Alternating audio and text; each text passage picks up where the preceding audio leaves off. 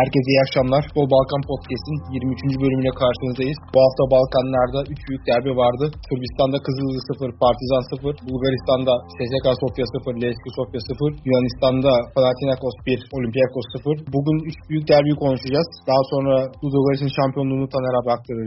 Soğuk algından dolayı, şimdiden sesimden dolayı özür diliyorum. Tayfur hoş geldin. Hoş bulduk. Herkese iyi akşamlar öncelikle. Abi sana da çok geçmiş olsun diliyorum. Sağ olasın Tayfur. Sen Yunanistan tarafını izledin.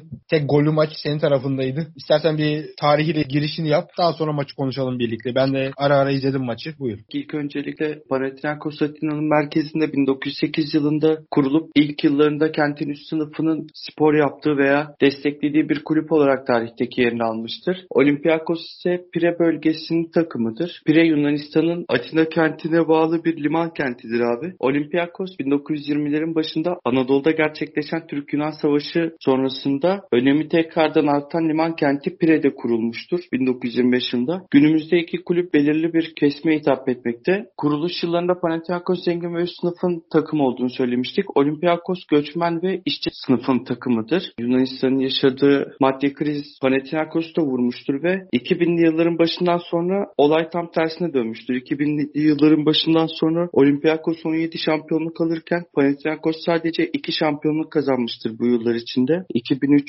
2003-2004 sezonu ve 2009-2010 sezonunda buna ek olarak AYK 1 PAOK 1 şampiyonluk kazanmış. Avrupa başarılarında tam tersini görüyoruz. Panathinaikos Avrupa'da Olympiakos'tan daha başarılı olmuştur. Şampiyon Kulüpler Kupası'nda 71'de final oynamıştır. Ajax'a İngiltere Wembley'de 2-0 kaybetmiştir. 85 ve 96'da yarı final, 92 ve 2002'de çeyrek finali vardır. Panathinaikos 2002'de Barcelona ile oynamış. 1-0 galip geldiği maçın rövanş 3-1 mağlup olup elenmiştir. Tuttuğun bir takım var mı? Hangisi daha yakınsın? Olympiakos semtin daha çok işçi sınıfının takımı olduğu için bize daha çok hitap ediyor diyebilirim abi. Olympiakos daha yakın diyebilirim. Tüm derbilerin anası olarak nitelendirilen derbi. Ben sana istatistikleri vereyim. Sen sonra bize maçı bir anlat. %54 ile 46 topla oynamak Panathinaikos'ta 4 toplam şutu var. Panathinaikos'un, Olympiakos'un 5 şutu var. 3'e 2'de kaleye bulaş şutlar var. Bizim izlediğimiz 3 maçın içinde sıkıcı maçlardan birisi. Tek farkı gol olması. 42. dakikada Aytur attı. Sen maçla ilgili neler gördün? Buyur sen. İlk yarıdan başlarsam Olympiakos'un 3. dakikada Rodriguez'de sol kanattan geliştirdiği bir atak vardı. İçeri çevirdiği topta Masuras vuramadı. Bir karambol oluştu. Top kalecide kalmıştı. Hemen arkasından 5. dakikada Aitor kendi hücum bölgesinin sol kanadından vurduğunda kalecinin göğsünden çıktı. Olympiakos daha çok kontrol kovalayan bir takım görümündeydi. Panathinaikos rakip sahaya yerleşip olgun atak geliştirmeye çalışıyordu. Olympiakos aldığı toplarla Rodriguez'i kullanmaya çalıştı. 20. dakikada da zaten buna şahit olduk. Sağ kanada Rodriguez'in önüne atılan topta Rodriguez çizgiye kadar inme çabasında bulundu. Ortaya çevirdiğinde tekrar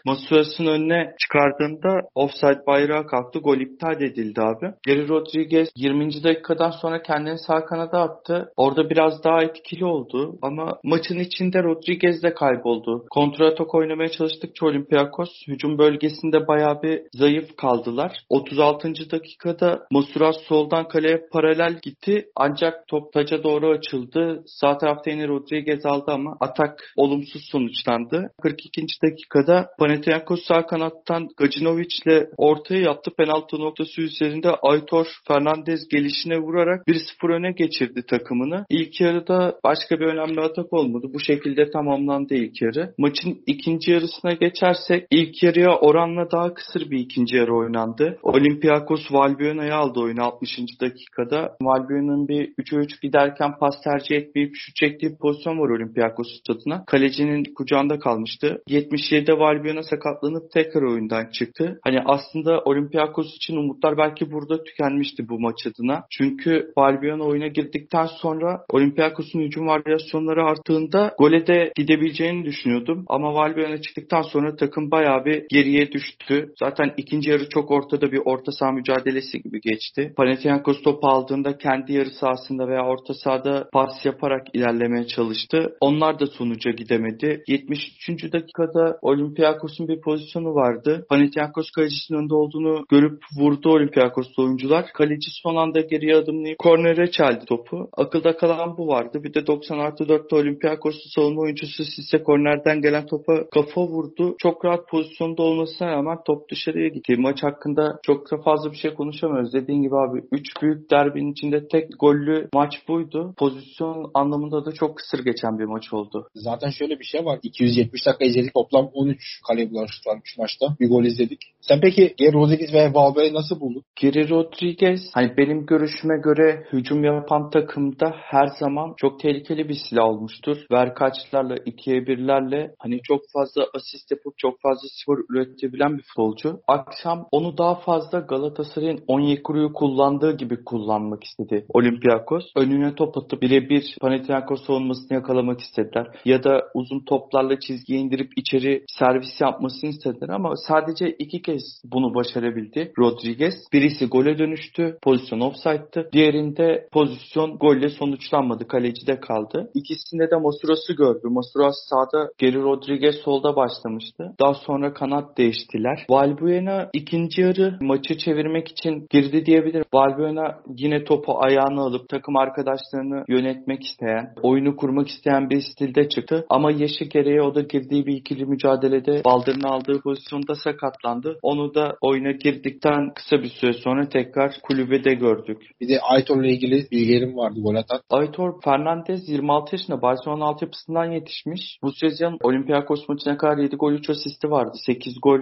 3 asiste ulaştı. Sol kanatta oynuyor. Tehlikeli bir oyuncu. Bundan önce Twente'de oynamış. Twente'den Panathinaikos'a transfer olmuş. Ödenen bedel de 2 milyon euro. Şu anda kariyerinin en zirve noktasında diyebiliriz abi. Başka eklemek istediğiniz bir şeyler yoksa gayet yeterli bence. Çok teşekkür ediyorum. Şimdi de Taner abiyle Sırbistan derbisini, ölümsüz derbiyi konuşalım. Maç 0-0 bitti. Kaleyi bulan 3 var. Önce bir istersen tarihiyle başlayalım seninle de. Sonra da maçı konuşalım. Bu maç isim olarak çok şey vaat ediyordu ama maalesef gerçekte vaat ettiği kadarını sahaya yansıtamadı takımlar. Büyük bir hayal kırıklığı oldu ama iki takımın tarihine baktığımız zaman çok büyük başarılarla dolu ve Avrupa kupalarında önemli takımlar bunlar. Şampiyonlar Ligi'nde 1966 yılında Partizan final oynuyor Real Madrid'le. Son 20 dakikaya kadar da 1-0 önde götürdüğü maçı 2-1 kaybediyor. O maçı kaybeden sonra şöyle Türk futbol tarihi de değişiyor. Çünkü o zaman Partizan'ın teknik direktörü Abdullah Gegic finali kaybettikten sonra Avrupa'ya transfer olacakken Avrupa'da önemli takımlar onu istiyordu teknik direktör olarak ama finali kaybedince yolu Türkiye'ye düşüyor. Fenerbahçe'yi çalıştırıyor ertesi sezon. Daha sonra Eskişehir Spor'la 3 yıl ikincilik falan yaşıyor. Farklı takımları da çalıştırıyor Türkiye'de. Adana Demirspor, Bursaspor gibi. Öyle bir tarihi var. Partizan'ı 1966 yılında yarım bıraktığı işi 1991 yılında Kızılyıldız tamamlıyor. Finalde o dönemin şaşalı takımı Marsilya'yı yenerek Avrupa Şampiyon Kulüpler Kupası'nı kazanıyor. Ama Kızıl Yıldız'ın da şanssızlığı kupayı kazandığının ertesi yıl Yugoslavya İç Savaşı'nın çıkması ve ülkenin parçalanması. Kızıl Yıldız'ın o güzel kadrosu maalesef parçalanıyor ve yok oluyor gidiyor. Eğer o kadro parçalanmamış olsaydı Kızıl Yıldız bir 2-3 yıl Avrupa futboluna damga vururdu. Ki ondan önce de zaten 1990 yılında çeyrek final oynuyor Yugoslavya. Kızıl Yıldız'ın kadrosunu oluşturan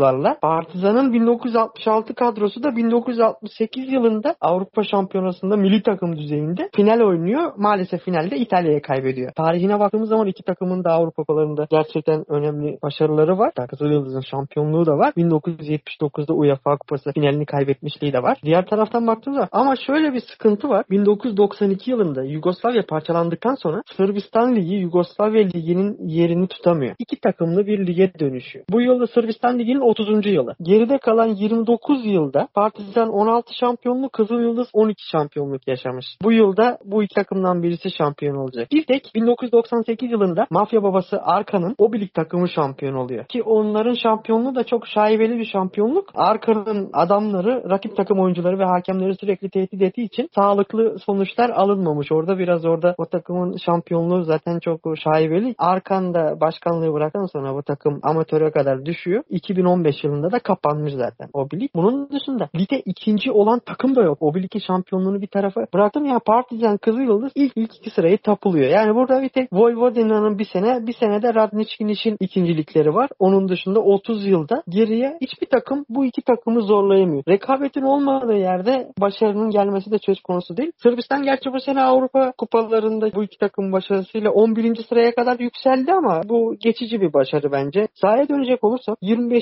dakikada ters için vuramadığı top var. Çok net bir pozisyondu Partizan adına. O gol olsa daha zevkli bir maç izleyebilirdik. İki takım da çok temkinli oynadı. Bu maç saha içinde çok bir şey söylenemez ama tribün şovları için bile izlenmeye değer bir derbi. 70. dakikada yaptıkları şov da muazzam bir şovdu. Bunun dışında ben saha içinde de çok daha fazla şey görmek isterdim açıkçası. Ama yine de güzel bir derbi. Balkanlara renk katıyor. İki takımın da çok güçlü bir tarihi var. O yüzden taraftar kitlesi de çok iyi. 5 puan öndeyken üst üste kaybettiği puanlarla şu an 2 puan geriye düştü ve playoff'ta şu an 6 maç kaldı. Kızıldız kime takılır bilmiyorum. Bir de playoff'ta tek devreli oynanması çok büyük adaletsizliğe yol açıyor. Kızıldız ev sahibi avantajını kullandı. Partizan'a haksızlık oldu bence. Çünkü Partizan kendi sahasında oynamamış oldu Kızıldız'la playoff'ta. Tek devreli oynuyorlar playoff'u. Bulgaristan'da da aynı sistem var. Bence bu sistem çok saçma. Normal sezonda ligi bitirsin ya da playoff sisteminde çift devreli yaparsın takım sayısını düşürüp. Tek Kızıldız'a sağ avantajını vermek veya Ludogorets'e sağ avantajını vermek bence çok yanlış bir uygulama. Kızıldız'ın şu an 82 puanı var. Partizan 80 puanında. 2 puanı fark var. Dediğin kısmı Yugoslav faal hesabında Kerem de söylemişti. Öne geçen takımın puan kaybetmeyeceği bir ligi görüyoruz. Acayip makas açılmış durumda Sırbistan Ligi iki takım ve geri kalan diğer takımlarla ilgili. Daha da kötüye Makas gidiyor. her yıl açık. Sıkıntı o. Sana şöyle bir şey ilave edeyim. Sen kötüye gidiyorsun dedin. Kızıldı Partizan daha çok popüler olmaya başladığı zaman İtalya'da bazı Avrupa takımlarında işte Vlahovic gitti. Transfer yaptıkça daha da açılacak gibi görünüyor. Var. Diğer takımlar daha da zayıf kalacak. Dediğine %100 katılıyorum. Destekleyici bir bilgi var ya. Şimdi bu iki takım Avrupa kupalarına katıldığı zaman 500 bin euro büyük ligler için küçük bir para ama Balkan ligleri için çok önemli bir para. Avrupa'daki her puana, her galibiyete bunların aldığı 1 milyon eurolar, 500 bin eurolar diğer takımlarla arasındaki makası daha da açıyor. Aynı şey Bulgaristan için de geçerli. Ludogorets'in Avrupa kupalarında elde ettiği puanlar para olarak geri döndüğü zaman diğerlerinin rekabet gücü zayıflıyor. Yayın gelirleri düşük olduğu için seyirci tribün hasılat gelirleri de düşük bu ülkelerde. O yüzden e, makas iyicene açılıyor ve rekabetsiz ligler oluşuyor Avrupa'da. Mesela aynı şey Hırvatistan için de geçerli. Rijeka'nın ve Hajdukspil'in son yıllardaki kıpırdanması biraz güzel ama onun dışında Dinamo Zagreb'in 20 yılda 18 şampiyonluğu var orada da. Aynı keza Bulgaristan'da da Ludogorets 11 yıldır şampiyon oluyor. Böyle olduğu zaman seyir zevki de düşüyor. Tribünlerde taraftar sayısı da düşüyor. Buna nasıl bir çözüm bulunabilir ben bilmiyorum açıkçası. Dünkü maçta dediğim gibi abi yani Kızıldız tamamen rakibini bekleyen. Partizan biraz daha kazanmak zorunda olan daha istekli taraftı benim izlediğim kısımda. En net fırsatı Partizan yakaladı zaten atamadı tercihle birlikte. Onun dışında iki takım da çok temkinli. Üç derbiden en iyi tribünü olan kesin ki bu maçtı. Bulgaristan tribünleri dün çok boştu ve çok sessiz geldi bana böyle. Çok ateşli gelmedi. Panathinaikos Olympiakos maçı çok fazla böyle Avrupa'yı bir tribün vardı. Sırbistan devleti bu işi spor turizmi, derbi turizmi olarak kullanıyor bunu. Kesinlikle güzeldi o tarafı. Hem 57'de hem 70'de sis bombaları, meşaleler patlatıldı. Onun dışında son 17 maçın sadece iki tanesinde 3 gol olmuş. 15 maç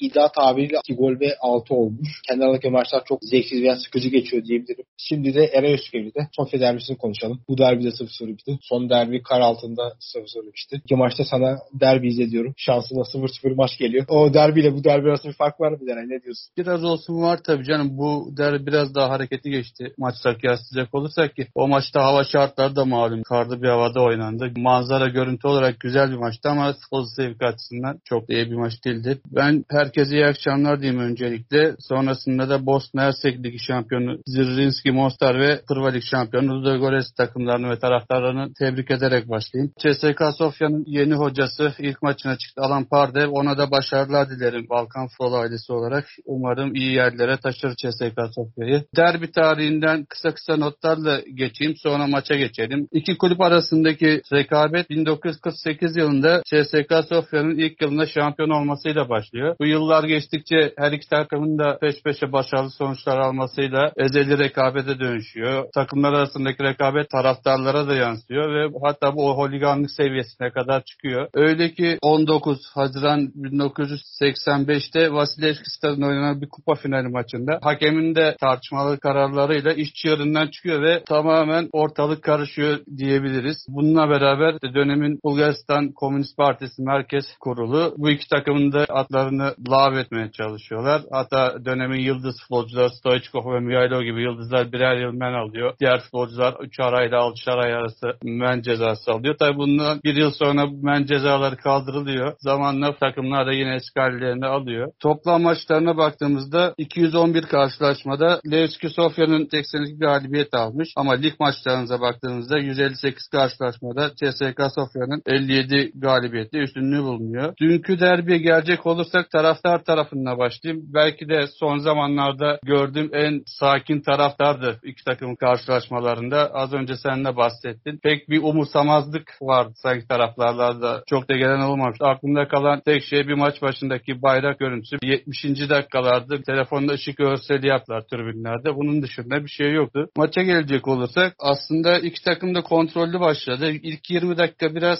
Levski Sofya'nın atakmış gibi gözük. Akıllarda kalan bir pozisyon. Stefanov'un arapasında Petkov ceza sahasına girerken rakibi tarafından düşürüldü. Hakem oyunu devam ettirdi. Bundan birkaç dakika sonra da yine Petkov'la yakaladığı bir pozisyon vardı. Levski'nin sağdan vurdu. Top sol direği yanından dışarı gitti. İlk yarının özeti bu diyebiliriz. Bunun dışında hiçbir şey yoktu ilk yarıda. Tamamen iki takım da kontrollü, zevksiz bir ilk yarı oldu. İkinci yarıya gelecek olursak Pardev oyuncularını uyarmış olmalı ki CSK atak başladı ikinci yarıya. Bilinçli oynayarak başladı. Kanatlara indirdiler. Top kanatlardan yaptıkları ortalarla tehlikeli olmaya çalıştılar. Maçın da en tehlikeli pozisyonu 56. dakikada Leşke Sofya kalesinin Mihailov'un çıkardığı pozisyondu. Parmaklarının ucuyla Mihailov çıkardı. Bunun dışında CSK Sofya'nın da Leşke Sofya'nın da atakları vardı ama her iki takım da şut özürlüydü bu maçta açıkçası. hele 83. dakikada pozisyon var ki Jesus zannedersem kötü bir vuruşla out attı. Aynı golü bir sonraki maçta Tekpetey yerden köşeye doğru bıraktı ve ikinci golünü attı Ludogorets'in. Kısır bir maç. İsabetli şutun az olduğu bir maç. Bir önceki maçta olduğu gibi. Teşekkür ediyorum Eda. Katılıyorum kesinlikle. Oyun olarak hiçbir şey yok. En azından beklentileri karşılama diyelim. Belki bizim çok şey bekliyoruz bilemiyorum ama CSK'nın bir amacı yok. Bugün Leipzig kazansaydı Avrupa Kupası'na gitme şansı yakalayabilirdi. En azından fırsatı da hala elinde bulundurmuş olurdu. Onlar ilk yarı biraz iyi göründüler ama çok etkili olamadılar. Kaleci Ertuğrul'la başladık. Bu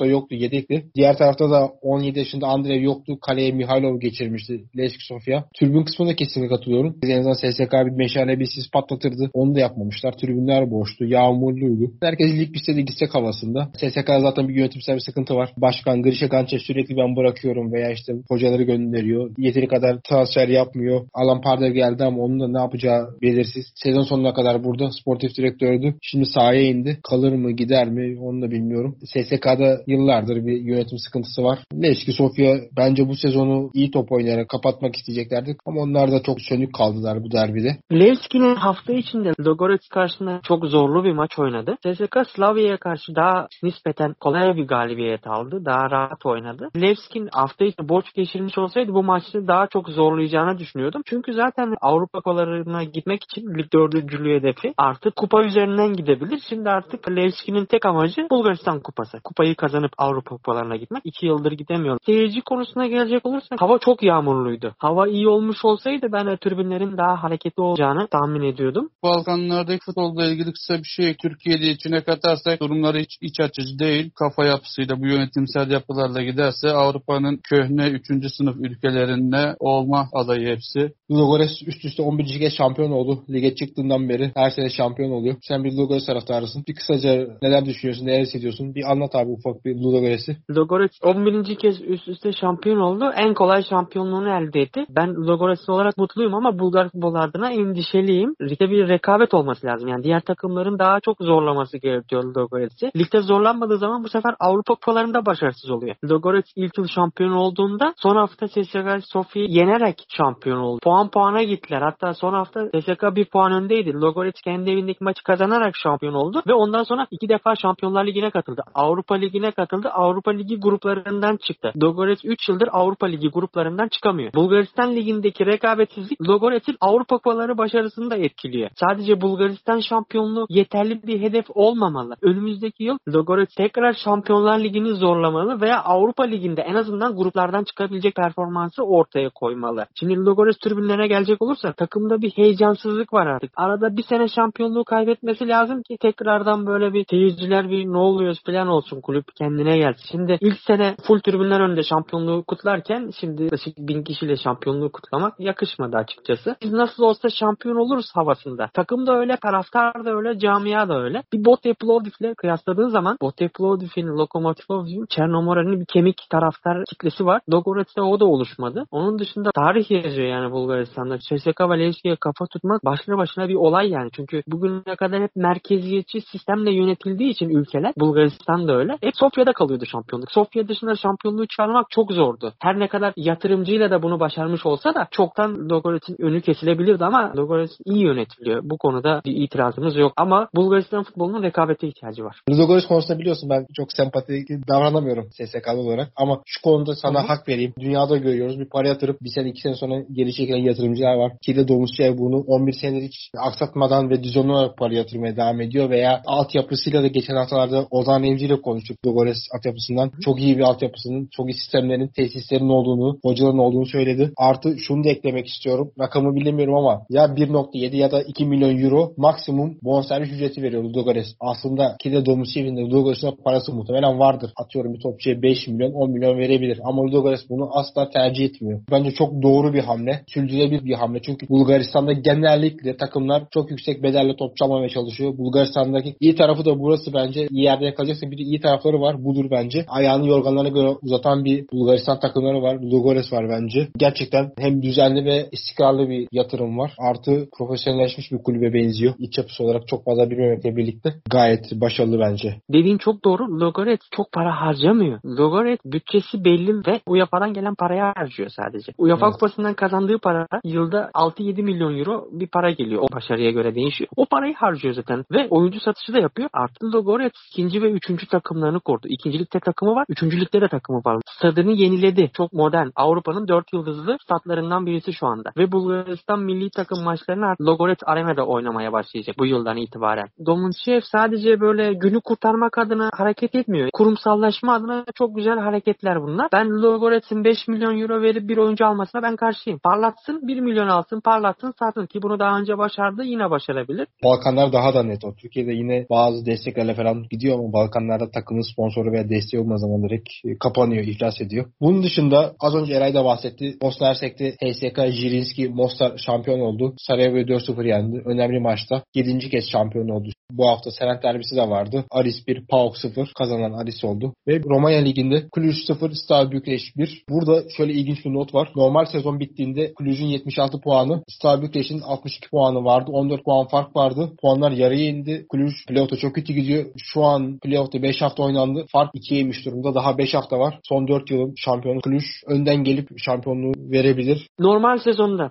puanların yarıya indirilmesi bence çok büyük bir haksızlık. Steaua Bükreş bütün maçlarını kazandığı zaman şampiyon oluyor. 14 puanlık fark playoff'ta gitti. Bence çok büyük bir saçmalık. Normal puanlarla devam edilmesi gerektiğini düşünüyorum. Avusturya'da da aynı sistem uygulanıyor. Ben iki sistemi de adil bulmuyorum. Aynısı 2012-2013 sezonunda Türkiye'de de yapıldı. Süper final diye. Orada da puanları yarıya indirdiler. Sistem çok adil bir sistem değil. Peki o zaman üçüncüye çok teşekkür ediyorum. Bizden bu kadar. Bir dahaki podcast'te görüşmek üzere. Hoşçakalın.